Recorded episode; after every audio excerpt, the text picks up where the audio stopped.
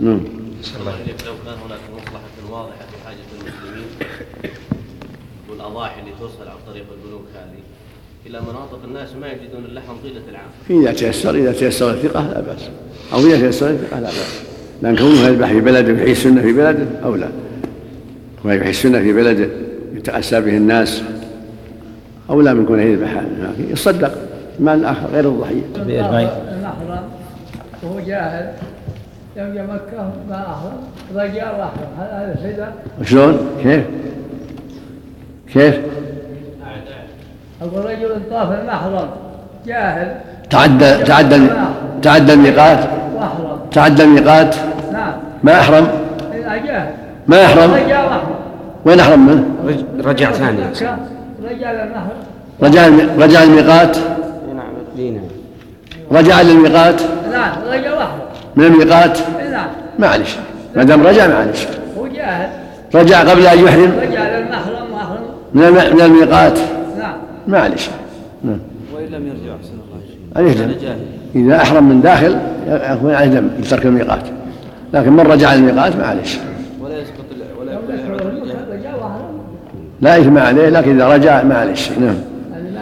الجهل إذا رجع إلى الميقات وأحرم يلزم ما لا شيء لا شيء عليه. باب نحر الإبل قائمة معقولة يدها اليسرى. قال الله تعالى فاذكروا اسم الله عليها صواف. قال البخاري قال ابن عباس رضي الله عنهما صواف قياما.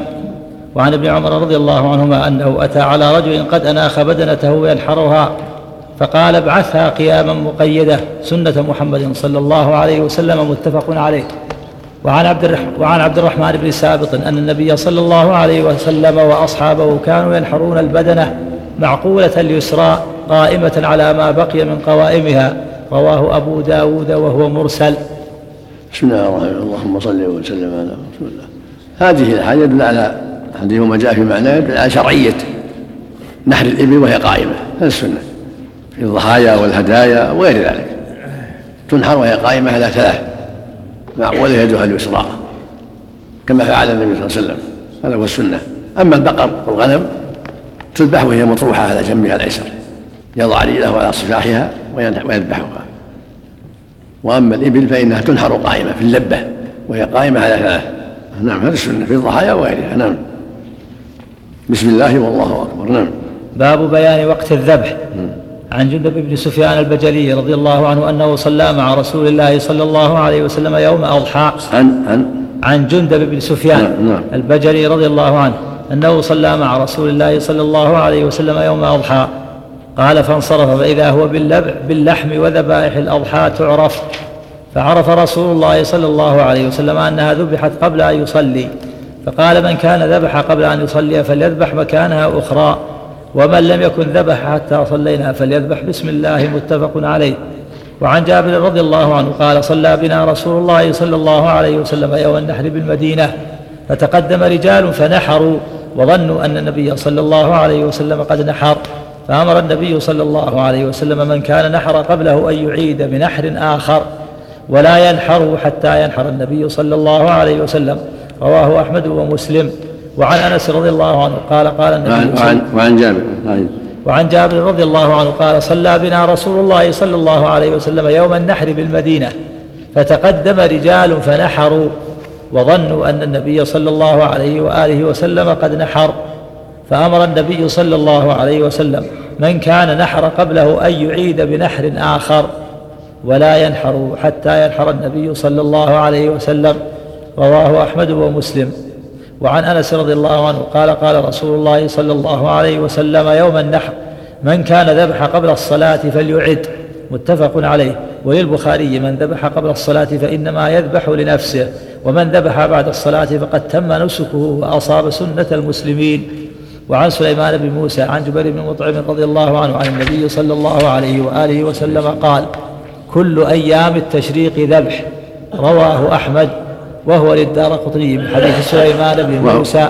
وهو وهو للدار قطني من حديث سليمان بن موسى عن عمرو بن دينار وعن نافع بن جبير عن النبي صلى الله عليه وسلم نحوه. هذه الطرق التي روى بها كلها منقطعات ولكن رواه ابن حبان في صحيحه موصولا بنحو هذا المتن. هذه الأحاديث تدل على أن الواجب الذبح بعد الصلاة صلاة العيد وأن من ذبح قبل الصلاة لا, نسك له.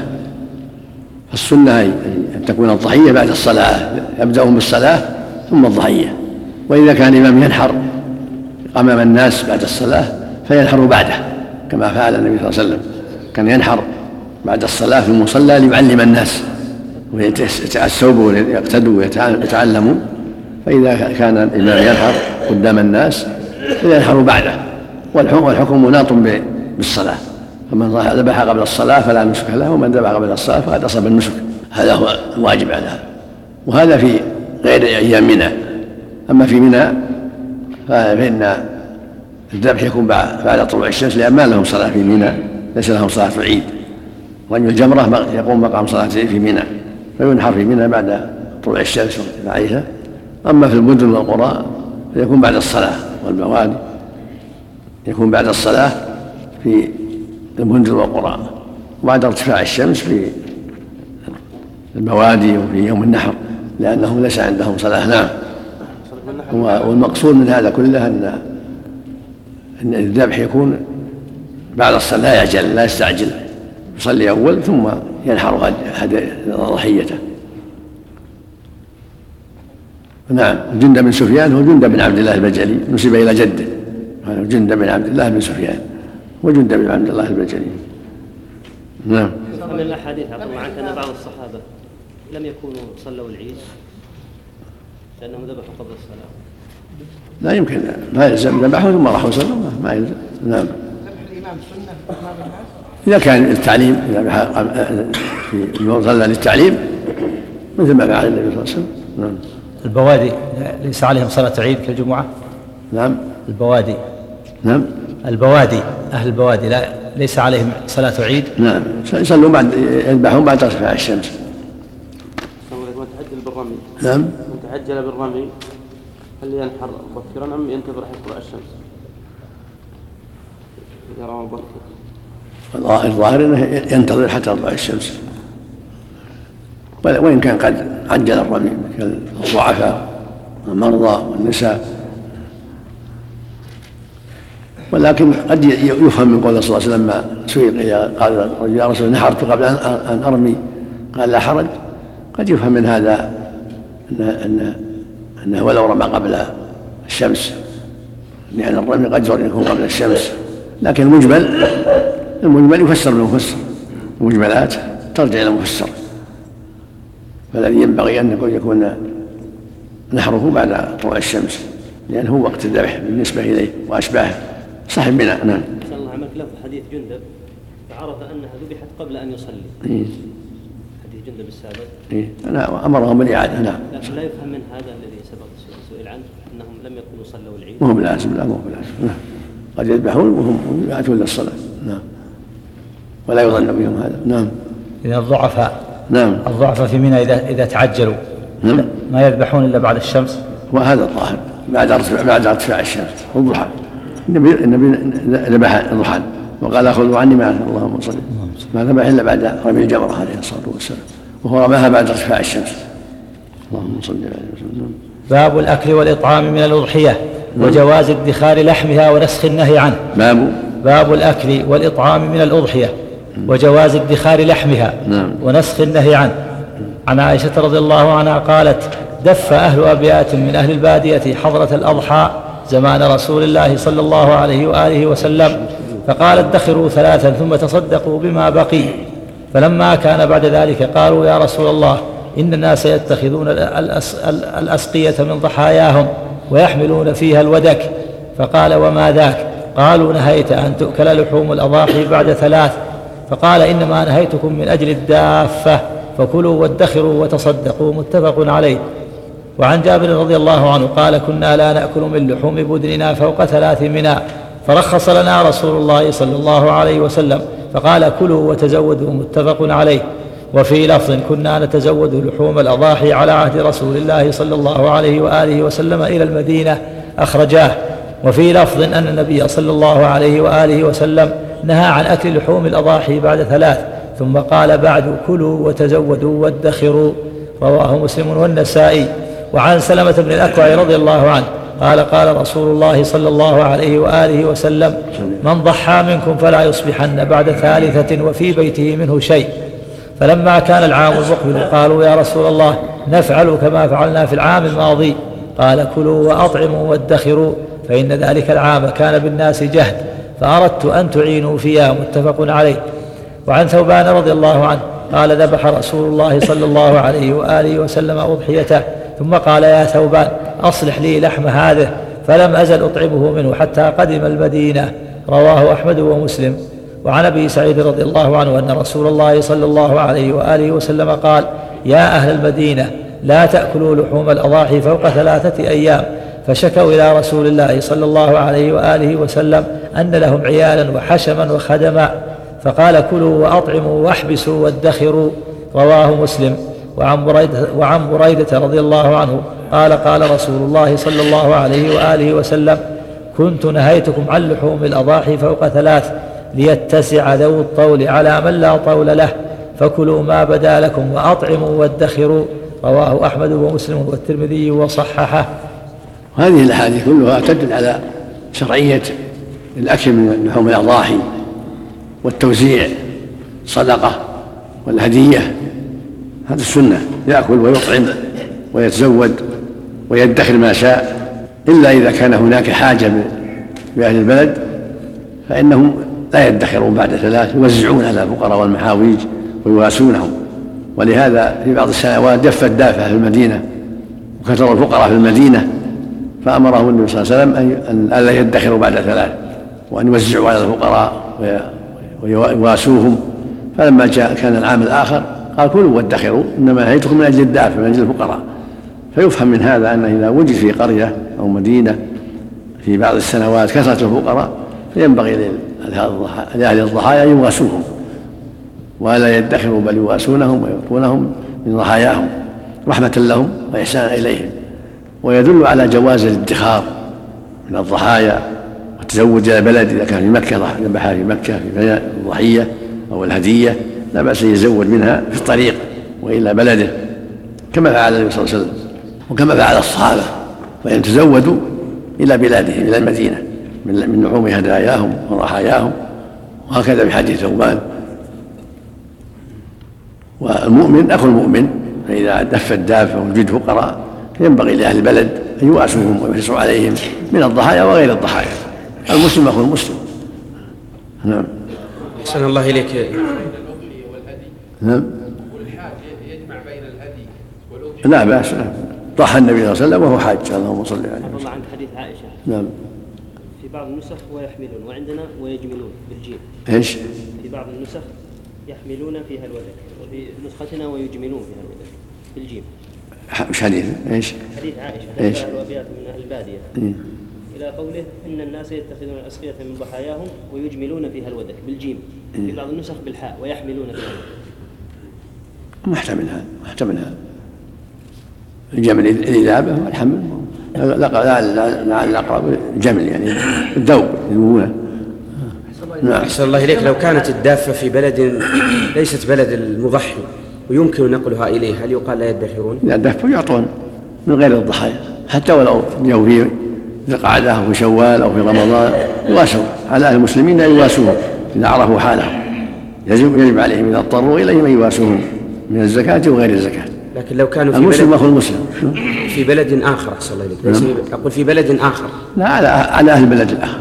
أحسن الله إليك. على أهل البلد الآخر. نعم. جمع جمع الحاج بين الأضحية والهدي. لا بأس. نعم. يلزمه يترك الأخذ من شعره كما على المضحي نعم نعم. إلا إلا الحلق إلا الحلق الممو- المرمومة الحلق والتقصير هذا ما يمنع الضحية سواء في مكة ولا غيره نعم. الله عنك الذبح ليلا النهي يدور مع العلة مع وجود العلة فإن انتفت العلة انتفت شو من جهة؟ النهي عن الادخار بعد الثلاث هو هذا هذا هذا هو الأقرب أن أن المسلمين مثل ما لاحظهم النبي في وقته ينبغي ينبغي المسلمين أن يلاحظوا. إذا ابتلوا بفقراء دفوا عليهم ونزلوا بهم حتى ولو في غير الضحية حتى ولو في غير وقت الضحية أن يواسوهم ويرحموهم ويعطفوا عليهم ويتقوا الله فيهم. نعم. الذبح ليلا عفى الله عنه. الذبح ليلا. لا بأس. الذبح ليل ونهار لا بأس. في أيام الذبح. وهي يوم العيد ثلاثة أيام بعده. ليلا ونهارا. إلا ليلة 14 هي من الذبح.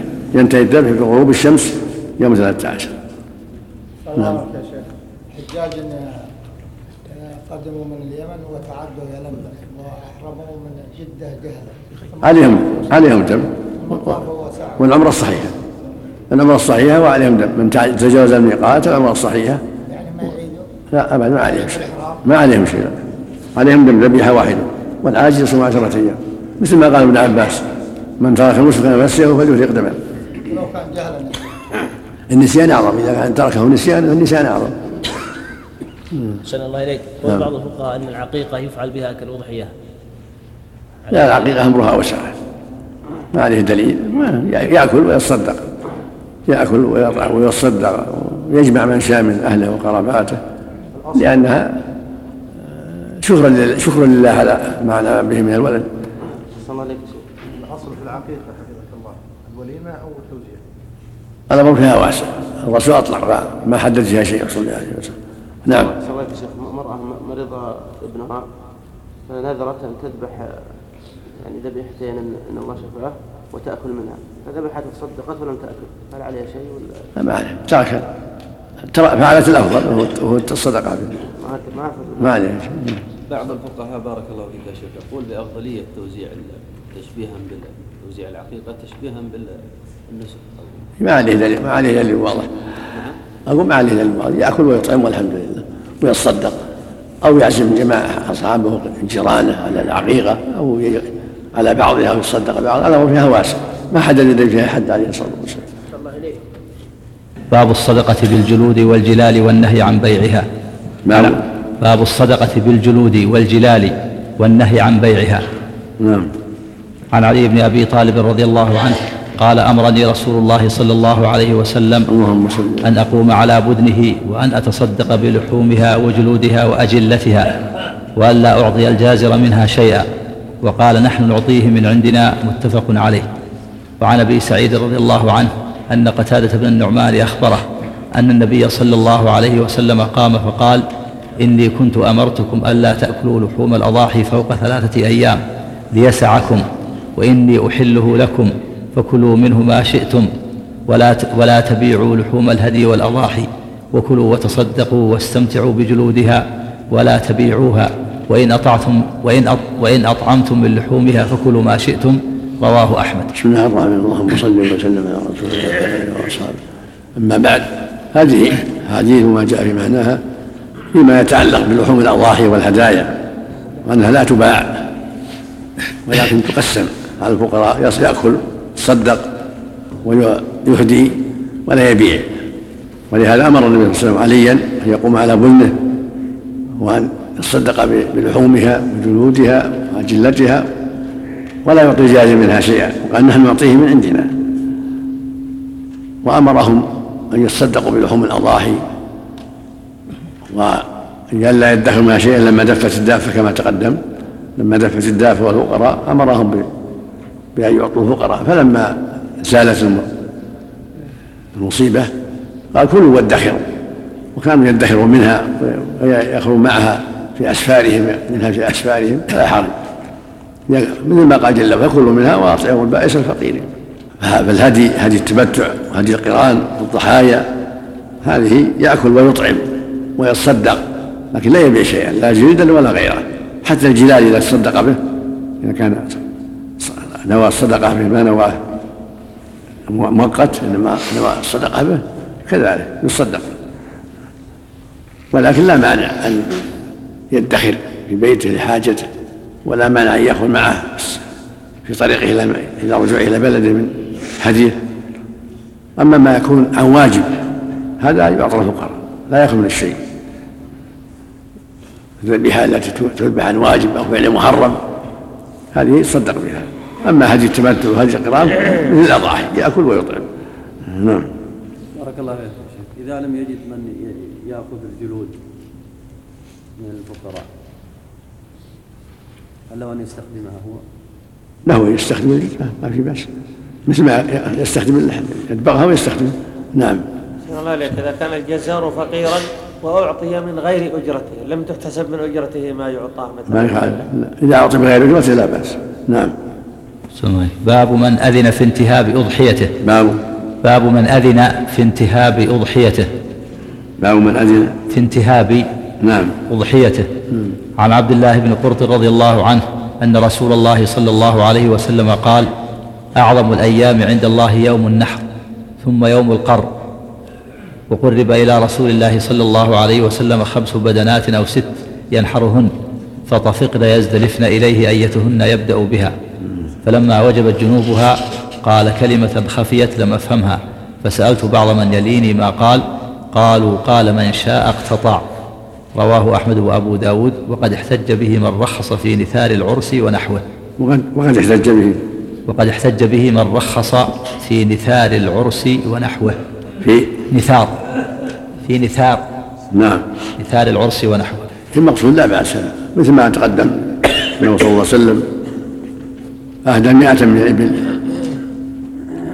وأمر من ونحر بيده ثلاثة وستين ونحر عليه الباقي.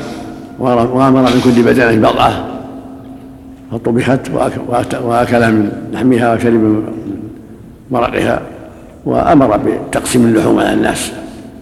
هكذا إذا ذبح الذبيحة وقال للفقراء خذوا خذوا ما خذوها تقسموها ما في بأس. ذبيحة واحدة أو أكثر أو مدنة أو أكثر إذا تركها وقال للفقراء خذوها لا بأس. لكن يكون يقسمها بينهم إذا خشي التنازع. والفتنة يكون يقسمها أو يأمر من يقسمها أو لا. أما إذا كان فقراء محدودين ولا ولا يخشى يخشى شيء فلا بأس. أن يقول خذوها تقاسموها. إذا كانت أمورهم على السداد ما يخشى فتنة. أما إذا كان يخشى يتنازع أو يتضاربوا فيكون هو الذي يقسم أو وكيله. حتى لا يقع فتنة. نعم. نثار العرس. نعم. نثار العرس قد يحصل به فتنة. نعم. نثار العرس. نعم. النثار في العرس. نثار مثل إذا أعطى الحاضرين الحاضرات أو الحاضرين شيء من النقود بينهم إذا ما يخشى فتنة أما إذا يخشى شر لا. يتوقع الشر أما إذا كان شيء قليل والناس قليل ولا يخشى فتنة فلا بأس. يعطيهم إياه ويقول بينكم هو ننبه الإخوة الكرام بأن تسجيلات البردين الإسلامية لا تحلل ولا تبيح من يقوم بنسخ هذه المادة إلا بإذن خطي منها. انتهى الوجه الأول. نعم. هل يدل هذا الحديث على ان يوم النحر افضل من يوم عرفه؟ الاعظم الأيام عند الله يوم النحر. نعم هو هو يوم النحر هو يوم يوم الحج الأكبر. ولا يصام. أما يوم عرفة يوم عظيم يصام يعني السنة التي قبله والتي بعده يكفر الله به السنة التي قبله والتي بعده وأما يوم النحر فهو يوم الحج الأكبر. الله نعم. وعلى من الله ورسوله الناس يوم الحج الأكبر ويوم العيد. نعم. أفضل من يوم النحر من يوم عرفة ها؟ يقول والظاهر كتاب العقيقة وسنة الولادة. عن سلمان بن عامر الضبي رضي الله عنه. قال قال رسول الله صلى الله عليه وسلم مع الغلام عقيقته فأهريقوا عنه دما وأميطوا عنه الأذى رواه الجماعة إلا مسلما. وعن سمرة رضي الله عنه قال قال رسول الله صلى الله عليه وسلم كل غلام رهينة بعقيقته تذبح عنه يوم سابعه ويسمى فيه ويحلق رأسه رواه الخمسة وصححه الترمذي. وعن عائشة رضي الله عنها قالت قال رسول الله صلى الله عليه وآله وسلم عن الغلام شاتان مكافئتان وعن الجارية شاه رواه أحمد والترمذي وصححه. وفي لفظ أمرنا رسول الله صلى الله عليه وسلم أن نعق عن الجارية شاة وعن الغلام شاتين.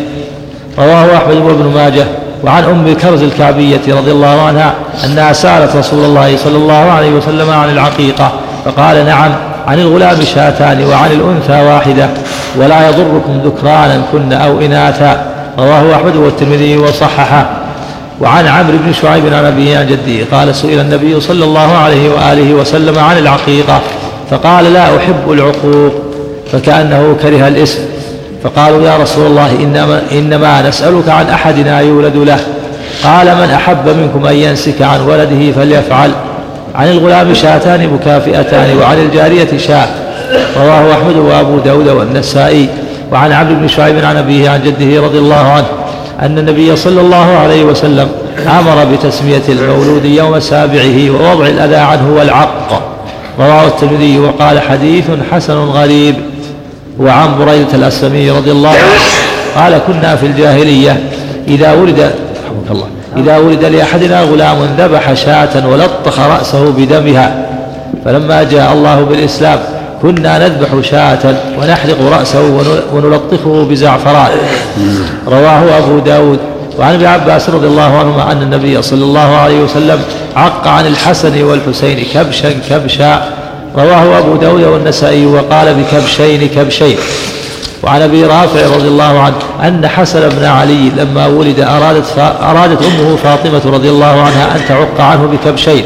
فقال رسول الله صلى الله عليه وسلم لا تعقي عنه ولكن احلقي شعر رأسه فتصدقي بوزنه من الورق. ثم ولد حسين فصنعت مثل ذلك. رواه أحمد. وعن أبي رافع رضي الله عنه قال رأيت رسول الله صلى الله عليه وآله وسلم أذن في أذن الحسين. أذن في أذن الحسين حين ولدته فاطمة رضي الله عنها بالصلاة.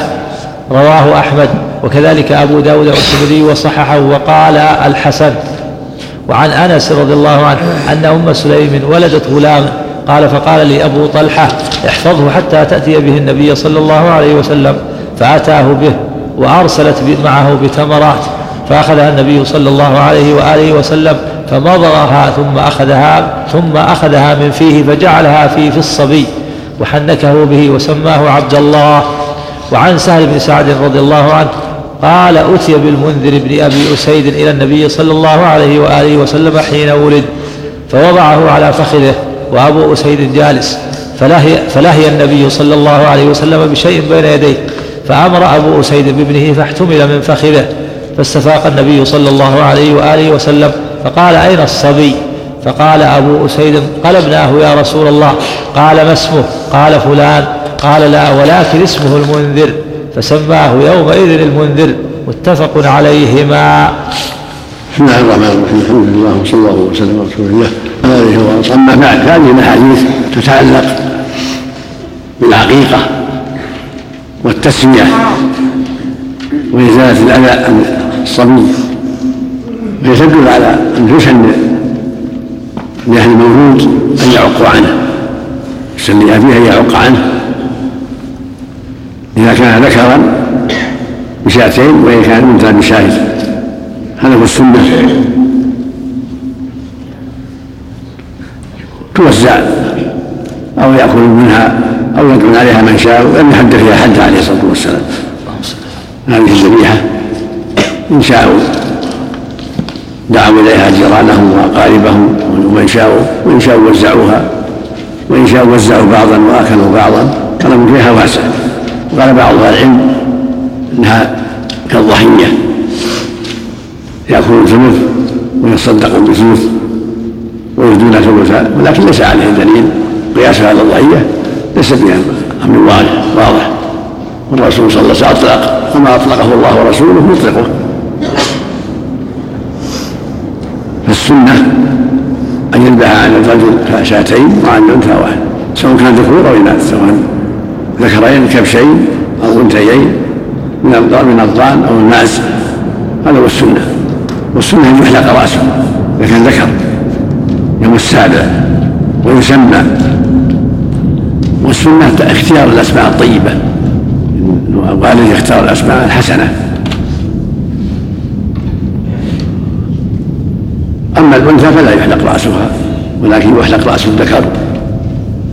وكانوا في الجاهلية يلطخونه بالدم فجاء الله بالإسلام وهو الحلق إزالة الأذى. بعد عيد الولادة في اليوم السابع. وإن عق بعد ذلك في بعد بأيام بعد سنة بعد سنة. الأمر واسع لكن الأفضل يوم السابع هذا هو الأفضل. والحلق يوم السابع هذا الأفضل. والتسمية. ويستحب أن يؤذن باليمنى ويقيم في اليسرى عند التسمية. لما ورد في ذلك من الأحاديث وإن كان في سندها بعض المقال لكن سنة. من فعل فلا بأس. ومن ترك فلا بأس. وهكذا التحريك. كن يحنك بالتمر يرفع حنكه كما فعل أبو طلحة لما أتى بولده النبي صلى الله عليه وسلم ومعه تمرة فوضعها النبي وجعل فيه وحنكه وسماه عبد الله. التحريك لا بأس به لمصلحة الطفل. في هذا جواز تسمية المنذر وأشباه المنذر كما سمى النبي. ولد سهيل المنذر. وفق الله الجميع. وقت وقت الأذان أحسن الله. نعم. وقت الأذان في أذنه. نعم. يوم السابع. يوم السابع يؤذن يوم السابع. هذا أفضل. والتحنيك. عند التسمية. والتحنيك في أول الأمر. يوم لا التحنيك ما في يوم. ما في شيء محدود. يوم الولادة أو بعدها هكذا لو سماه يوم الولادة. يسمى ابن إبراهيم يوم الولادة. ولذا لله ولد وسميته إبراهيم. لو سماه يوم الولادة لا بأس. وإن أخرها حتى سماه يوم يوم السابع كله طيب. والتحنيك أول شيء يدخل التحنيك كذلك أول ما يولد. أول ما يولد. نعم. هذا أفضل. أحسن إليك يا شيخ. الأذان ثم الإقامة أو الأذان بس؟ الأذان في الأذن اليمنى والإقامة في اليسرى هذا أفضل. نعم. إن كان الإقامة ورد الحديث فيها بضعف. إليك لكن الشرائع من جهة العمل. من جهة العمل نعم. نعم. بارك الله فيك. التحنيك هل يشترط فيها ما يشترط أضحية؟ نعم. هل يشترط فيها نعم لابد تكون سليمة من العيوب مثل الضحية. بارك الله فيك يا شيخ. بالنسبة للتحنيك هل هو خاص بمن يظن فيهم الصلاح أو لا لا بد حنك أبوه ولا غيره؟ ما في خاص بأحد. التحريك حنك أمه ولا أبوه ولا غيره نعم قول قول بريدة. كن لما جاء الله بالإسلام كنا نذبح الشام نعم. ونحرق قول بريدة في تلطيخ رأسه ب- بالزعفران. لا لا يحتاج إلى دليل. من عمل يعني إيش كان الحشي عليه تكلم عليه؟ قال أخرجه أيضا أحمد والنسائي قال في التلخيص إسناده صحيح ولكن في تصحيح الحافظ له نظر لأن في إسناده علي بن الحسين بن ابن واقد وفيه مقال. نعم. لأن في إسناده علي بن الحسين بن واقد وفيه مقال. الحاشية إيش؟ هذا أخرجه أيضا أحمد والنسائي. وقال في التلخيص إسناده صحيح ولكن في تصحيح الح- الحافظ له نظر. لأن في إسناده علي بن الحسين بن واقد يحتاج وفيه إن شاء مقال الله. نبدا عليه إن شاء الله في درس الأربعاء إن شاء الله. نبدا نبدا على في درس الأربعاء. نراجع أسانيده إن شاء الله. نعم. صلى الله إليك. كره تسمية العقوق. بس الاسم ولا تسمى العقيدة. يعني مهم من العقول اسم لها مشهور عند الجاهلية. نعم. التصدق بوزن الشعر أحسن الله إليك. نعم. التصدق بوزن الشعر. هذا ما ما, ما يثبت في شيء. نعم. تحنيك خاص بالنبي صلى الله عليه وسلم ما عليه ما لها اصل مو بخاص ليس بخاص. والتحنيك رفع اللهات من الاصبع نعم؟ نعم. من قال الأذان بعد الولاده مباشرة. لا الافضل يوم السابع وفي أي وقت فعل لكن يوم السابع أفضل. التسبيح ولا يوم السابع أفضل. وإن فعل قبل ذلك فلا بأس. مثل ما سمى النبي صلى عبد الله بن أبي طلحة في يوم ولد وسمى ابنه إبراهيم يوم ولد. الامر واسع في هذا ليس في التكلف نعم. وزن شعر المولود يا شيخ. حديث أبي رافع. وبين حديث ابن عباس. إن رسول الله عق عن الحسن وفي حديث أبي رافع لا تعق عنه. لا لا ضعيف الحديث هذا ضعيف. ما توقع عنه من الصدقه بالفضه ضعيف. نعم. وزن شعر المولود. نعم. وزن شعر المولود. ضعيف ضعيف. ضعيف. نعم. أحسن. نعم. قال ان العقيقة لا يكسر فيها عظم هذا يروى عن عائشة رضي الله عنها لكن ما ما الأمر واسع فيها. لو كسر ما في ذلك يروى عن عائشه من باب التفاؤل. ولا بأس. لو قطعها ووزعها لا بأس.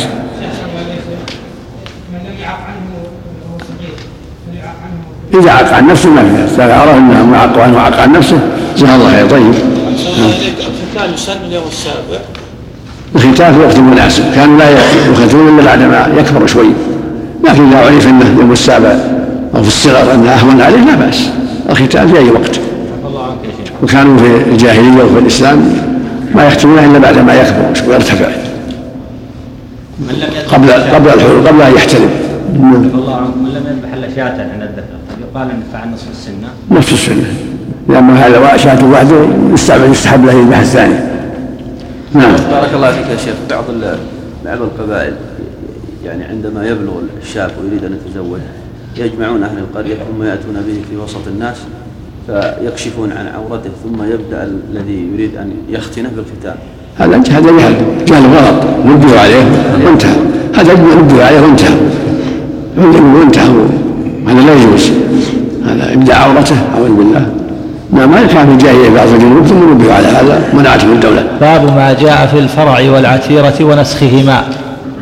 عن مخلف بن سليم قال كنا وقوفا مع النبي صلى الله عليه وسلم بعرفات فسمعته يقول يا أيها الناس على كل أهل بيت في كل عام أضحية وعتيرة وهل تدرون ما العتيرة هي التي تسمونها الرجبية. رواه أحمد وابن ماجه والترمذي. وقال هذا حديث حسن غريب. وعن أبي رزين العقيلي رضي الله عنه أنه قال يا رسول الله إنا كنا نذبح في رجب ذبائح فنأكل منها ونطعم من جاءنا. فقال له لا بأس بذلك. وعن الحارث بن عمرو أنه لقي رسول الله صلى الله عليه وسلم في حجة الوداع. قال فقال رجل يا رسول الله الفرائع والعتائر. قال من شاء فرع ومن شاء لم يفرع ومن شاء عتر ومن شاء لم يعتر. في الغنم أضحية. رواهما أحمد والنسائي. وعن نبيشة الهذلي قال قال رجل يا رسول الله إنا كنا نعتر عتيرة في الجاهلية في رجب فما تأمرنا قال اذبحوا لله في أي شهر كان وبروا لله عز وجل وأطعموا. قال فقال رجل آخر يا رسول الله إنا كنا نفرع فرعا في الجاهلية فما تأمرنا؟ قال فقال رسول الله صلى الله عليه وسلم في كل سائمة من الغنم فرع تغدوه غنمك حتى إذا استحمل ذبحته حتى إذا استحمل ذبحته فتصدقت بلحمه على ابن السبيل. فإن ذلك هو خير. رواه الخمسة إلا الترمذي. وعن أبي هريرة رضي الله عنه قال قال رسول الله صلى الله عليه وسلم لا فرع ولا عتيرة والفرع أول النتاج. كان ينتج لهم فيذبحونه. والعتيرة في رجب متفق عليه. وفي لفظ لا عتيرة في الإسلام ولا فرع. رواه أحمد. وفي لفظ أنه نهى عن الفرع والعتيرة. رواه أحمد والنسائي. وعن ابن عمر رضي الله عنهما أن النبي صلى الله عليه وآله وسلم قال لا فرع ولا عتيرة رواه ابن ماجه. بسم الله الرحمن الرحيم. الحمد لله وصلى الله وسلم على اله اما بعد؟ فهذه الأحاديث فيما يتعلق بالفرع والعتيرة. كانوا في الجاهلية يعترون ويذبحون أول نتاج ابلهم يسمونه الفرع. فلما جاء الله بالإسلام نسخ ذلك. فالأحاديث التي فيها الفرع والعتيرة قبل النسخ ولهذا قال صلى الله عليه وسلم لا فرع ولا عتيرة في الإسلام رواه الشيخان البخاري ومسلم الصحيحين. قال ابن المنذر رحمه الله إلى هذا ذهب أكثر العلم أن هذا منسوخ وأن الحديث الواردة في ذلك ما بين ضعيف كحديث مخنف ضعيف. وما بين منسوخ. أما إذا أراد يتصدق في أي شهر لا بأس. يتصدق بغنم أو إبل أو بقرة يذبح ويصدق على الفقراء لا حرج. أما إحياء سنة الجاهلية بالعتر والفرع فلا. بل هذا نسخ. وما كان قبل ذلك هو قبل أن يأتي النسخ قبل أن يبلغ عليه الصلاة والسلام بالنسخ والفرع هو أول النتاج. هو انتهاج الإبل أو البقرة أو الغنم يغذونه ثم يذبحونه. أول نتاج ناقته وأول نتاج بقرته أو غنمه. والعتيرة ذبيحة رجب يذبحونها في رجب. هذه كانت من أمر الجاهلية ثم نسخ الله بالإسلام وجاء قوله صلى الله عليه وسلم لا فرع ولا عترة في الإسلام. أخرجه البخاري ومسلم في الصحيحين. استقرت الشريعة على هذا. لكن من أراد أن يتصدق؟ بغير سنة الجاهلية في رجب أو شعبان أو في أي وقت يذبح ناقة أو يشتري لحم أو يتصدق بطعام أو غيره فالأمر واسع ومفتوح الباب. وأن تصدقوا خير لكم إن كنتم تعلمون في أي وقت في رمضان وفي غيره في رجب وفي غيره لكن على غير طريقة الجاهلية.